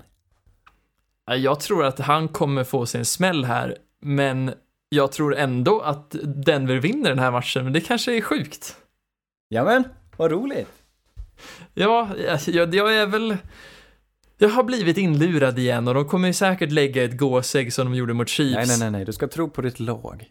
Ja, men jag tror på det här försvaret. Och det verkar som att Bryce Callahan kommer spela den här matchen. Eller han har i alla fall ja, börjat träna. Hur länge har han varit borta nu? Typ hela säsongen. Han har varit god oh, för kanske en kvart. Och det är liksom... Ja. Nu får vi kanske, nu får vi se det sanna Denver-försvaret som Vic Fangio hade som vision i början på säsongen. De kommer från en bye. Vi vet inte vad vi förväntar oss av Brandon Allen. Det kanske kan eh, skrälla till lite mot Vikings. Ja, men han är väl en sån som ska kunna stoppa Adam Thielen. Om nu Adam Thielen skulle starta, han har också varit skadad. Men eh, jag, jag, jag gillar det du säger. Det här kan bli en jämn tillställning. Om nu Brandon Allen... ja. Vem är... Jag vet fortfarande inte vem han är. Skitsamma. Hur är statusen på er Brooker och Drew Lock? Uh, han ska börja träna, men tanken är att tydligen ska Brandon Allen starta två matcher till åtminstone. Så uh, jag vet faktiskt inte riktigt vad som händer där, men förhoppningsvis så får vi väl se Lock förr eller senare. Ja. Ny divisionsmatch och ny påsmatch låter Erik hälsa. Uh, Colts tar emot Jaguars och Erik påsar här att Jaguars ska vinna. Det här kan ju vara den mest intressanta matchen på förhand, för nu kommer ju Nick Foles tillbaka och vad ska vi tro egentligen? Ja, det är en bra fråga. Kommer Brissett starta den här matchen? Eh, det vet vi ju inte heller i nuläget då. Det får vi, får väl hoppas det, för matchens skull. Ja, alltså sp spontant, om man bortser från Brissett-gamen, spontant känner jag Va? Det finns goda skäl att Foles kanske gör bättre ifrån sig än vad Gardner gjorde i det här anfallet. Jag hade i alla fall velat se, kommer DJ Shark vara samma sorts spelare som han var med Gardner? Som han, är, som han kommer vara nu med Foles? Eller ja. vad är det för Jags anfall vi får se? Ja, jag känner så här att Gardner har, han har liksom livat upp det här laget och gett dem självförtroende på anfallssidan. Och Nick Foles är ju en sån individ som, som, som ska kunna ta tillvara på det. Han är ju bra på att hoppa in som sagt, och nu får han hoppa in igen trots att det är hans lag då. Och ja, det, det, ska ju, jag hoppas och tror att han faktiskt eh, ska kunna spela minst lika bra som Gardner. Det vore ju märkligt annars. Nej, men jag men, håller med. med det sagt, så är Colts ett bredare lag. Och eh, i alla väder så hejar jag på Colts. Jag tror de vinner den här matchen på hemmaplan, det ska de göra. Det gör de. Om Brian Hoyer startar, är du nervös? Oerhört, oerhört nervös. Men vet du vad, de var hoppfulla på Jacoby Brissett inför den gångna matchen, så därför antar jag att han är på ännu bättre väg den här gången och kommer starta. Aj, aj, aj. Ja, jag står fast vid Jags, men jag kommer nog kanske få, få äta upp det om Brissett startar. Saints som eh, vacklar möter Buccaneers som eh, jublar. Kan det bli en jämn match tror du? Marshall Lattimore skadade sig förra matchen och det är inte säkert att han spelar den här matchen kan Buccaneers med sin, nej, ja, jag vet inte, sitt ostoppbara anfall, kan de slå till Saints på käften?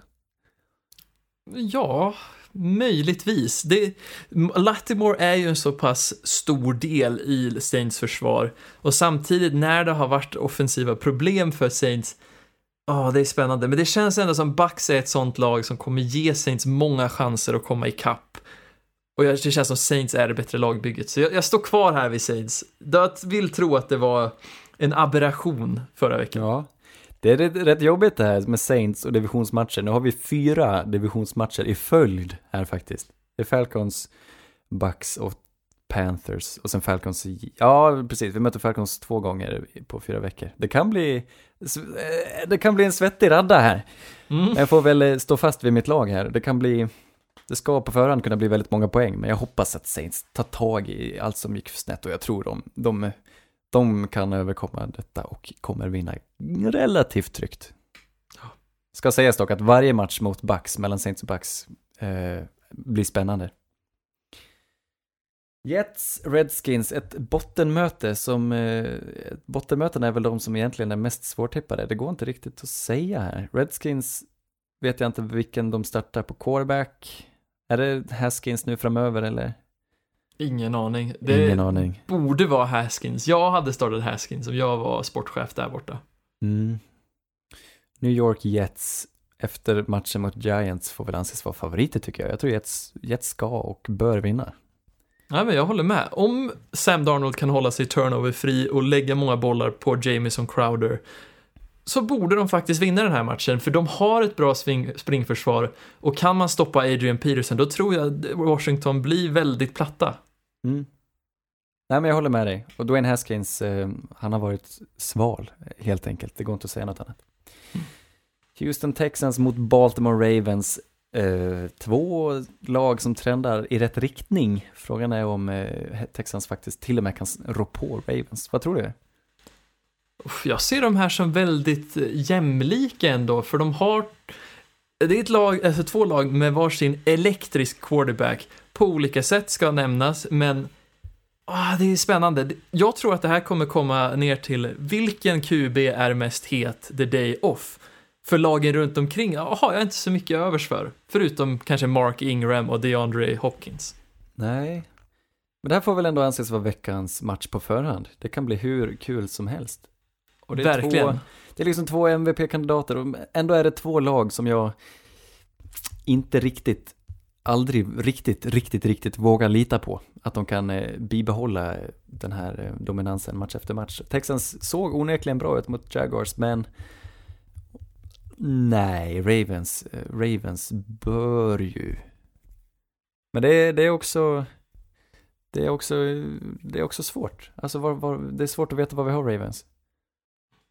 Nej, men precis. Jag är också lite mer på Ravens-tåget här. Mest på grund av att vi, de vann mot New England och då har de förtjänat liksom min, min tillit, känner jag, tills vidare. Ja. Nej, jag vågar inte säga något annat jag heller. Eh, det är en eh, dyster dag då jag påsar Texans. Det, det, det är verkligen ett lag som, som spelar varannan veckas fotboll. Verkligen. Nu då, Cardinals gästar 49ers och det här ska 49ers ändå inte kunna torska eller? Kanske. Jag menar att de är ett helt annat anfall när de saknar sina nyckelspelare Kittel och Sanders. De såg ju bra ut mot Seahawks. Seahawks är ett bra lag, även om det är ett lag jag avskyr. Så liksom... ah, Jag vet, nej, jag tror inte Cardinals har något att komma med här. Jag tror Cardinals har något att komma med i varje match nu. Eh, och återigen, det börjar bli en jargong, men det här blir också jämnare än eh, vad man kanske tror. Men San Francisco tycker jag, trots förlusten, fortfarande får anses vara det bästa laget just nu och därför vinner de över Cardinals. Nej, jag Inte håller med dig. än så. Ja, Bengals Raiders. Bengals, eh, Bengals har blivit en slag på sig. Det går inte att säga något annat. Det finns ingen, finns det en enda ljusglimt i Bengals-laget? Nej, men ja, mycket är ju på grund av att många av deras ljusglimtar är skadade. Ja, jag tror att det här, alltså Raiders kommer springa över det här laget för de är så pass dåliga på linebackers och när man har den som förmodligen kommer bli offensive rookie of the year, de har en bra fungerande o-line och de Mm. har en QB som är sund, då, då kommer det leda till mycket yards. Ja, och det är ju, menar, det är ju tredje raka hemmamatchen med två vinster i ryggen. De tror på sig själva och de älskar att spela fotboll och de, ja, jag tror också de, de kör över Bengals helt enkelt. Patriots möter Eagles. Eh, är Patriots sårbara här? Nej, det tror jag verkligen inte. Men varför inte? Jag menar, om, om de hade problem mot Ravens, Ja, jag tror ändå att Eagles har något att komma med här. Kom ihåg att de var ju på upptrend innan de gick in i sin bye-vecka. Mm. Nej men nu, det här tycker jag man ska analysera ordentligt. Vad, vad var det Patriots som gjorde att de förlorade? Det var ju faktiskt Baltimores, i mångt och mycket, deras välcoachade anfall, deras fantastiska springspel. Och Eagles ska ju kunna etablera samma typ av springspel och därför borde de kunna hota. Frågan är om, om Wentz har vapnen att kasta till. Jag tycker hans receivers har sett lite sorgliga ut det här året, om jag får säga så. Det har ju du också hävdat tidigare. Och Ja, jag jag vet inte med. om han kan åstadkomma riktigt samma sak. Det är inte lika, det är lite mer traditionellt det här anfallet som Doug Peterson har och jag tror att Patriots är redo och lite revanschlystna. Är det här första mötet sedan, är det första mötet sedan Super Bowl? Tror det va? Eller möttes de förra året? Det, det här minns jag faktiskt inte, men eh, nej, Eh, nej, den här gången håller jag nog på inte. Patriots. Och ja, jag är också på Patriots sida här, mest för att om Wentz kastar till receivers med i, i vad heter det, tvålade händer och liksom den secondaryn som Patriots ändå står för, ah, då, det kommer inte gå bra. Nej. Men jag tror ändå att Eagles kommer att ta ner det här försvaret lite på jorden, för de har blivit bättre i springspelet och jag tror vi kommer se att Ja, men absolut. Philly kommer straffa dem mest där. Jag tycker vi får hänga, vi hänger det på Brady. Mm. tror det är han ja, han är den som får vinna matchen måste vinna matchen och han ska ju kunna göra det mot Eagles secondary. Det är ju, så är det ju bara. Mm. Nåväl, eh, Rams tar emot Bears på Coliseumet. Um, mm, alltså det är lite märkligt, Los Angeles Rams här, de har, vunn- de har förlorat fyra matcher och bara Mm. vunnit fem. De börjar väl bli lite desperata här, för NFC West är inte enkelt. Och så kommer Bears, och de minns ju den svidande förlusten mot Bears i förra året när Rams ändå såg så ostoppbara ut. Ska Bears kunna upprepa samma sak igen, David? Bra fråga. Jag tror inte det. Just på grund, eller ja, kanske. Det, Rams är precis som Browns, att om de möter ett starkt försvar, då kan vad som helst hända. Och ja, Goff, han har varit lite, lite si och så bakom den här skrangliga o-linen. Och nej men verkligen. Jag, blir nästan, jag tror nästan jag byter till Bears här just på grund av att jag är rädd vad, för vad Khalil Mack kommer kunna göra mot det här, den här o-linen. Ska inte posta den här istället då? Men jag ville inte titta på Bears. Nej, det är sant. Nej, det är sant. Nej, du, det här kan sluta hur som helst. Men oh, jag vill se bättre spel från Jalen Ramsey. Jag vill att han ska ta över innan, eh, annars kommer Rams få, annars är de riktigt illa ut, framförallt i media.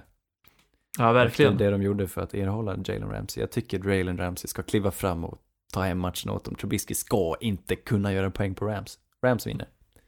Hade jag varit Mitchell Trubisky här hade jag inte ens kastat åt det hållet Jalen Ramsey är. Det hade varit no-go zone vart han än var. Ja, sant. Ska sägas dock att han har bör- börjat lite knaggligt.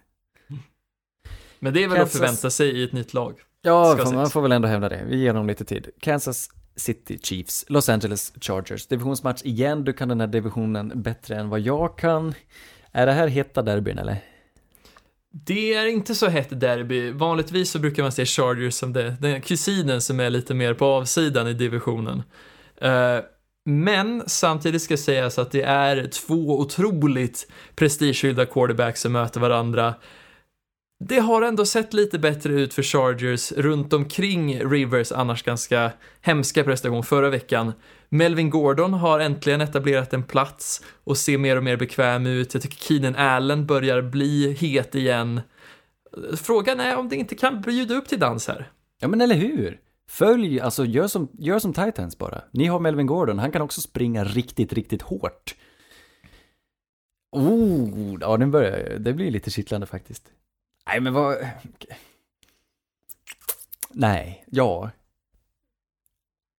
Är det en 50-50 match det här också? Det är många sådana som döljer sig i buskarna och eh, det är farligt att tippa favoriterna. Det har varit mycket, ett par veckor med många, många skrällar. Men ändå är jag beredd att alltid ge Pat Mahomes fördelen när jag ska välja inför en match. Ja, och det är samma här. Jag, jag älskar Patrick Mahomes. Det, det är den bästa fotbollen att titta på. Ja, nej jag vågar inte. Jag kan inte lita på Philip Rivers den här säsongen. Hade han eh, varit i samma form som förra året hade jag kanske valt Chargers, men nu, nu vill jag ändå säga Chiefs, av, just av Philip Rivers anledning.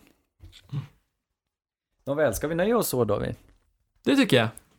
Då packar vi ihop och tackar för den här veckan och så ses vi nästa vecka.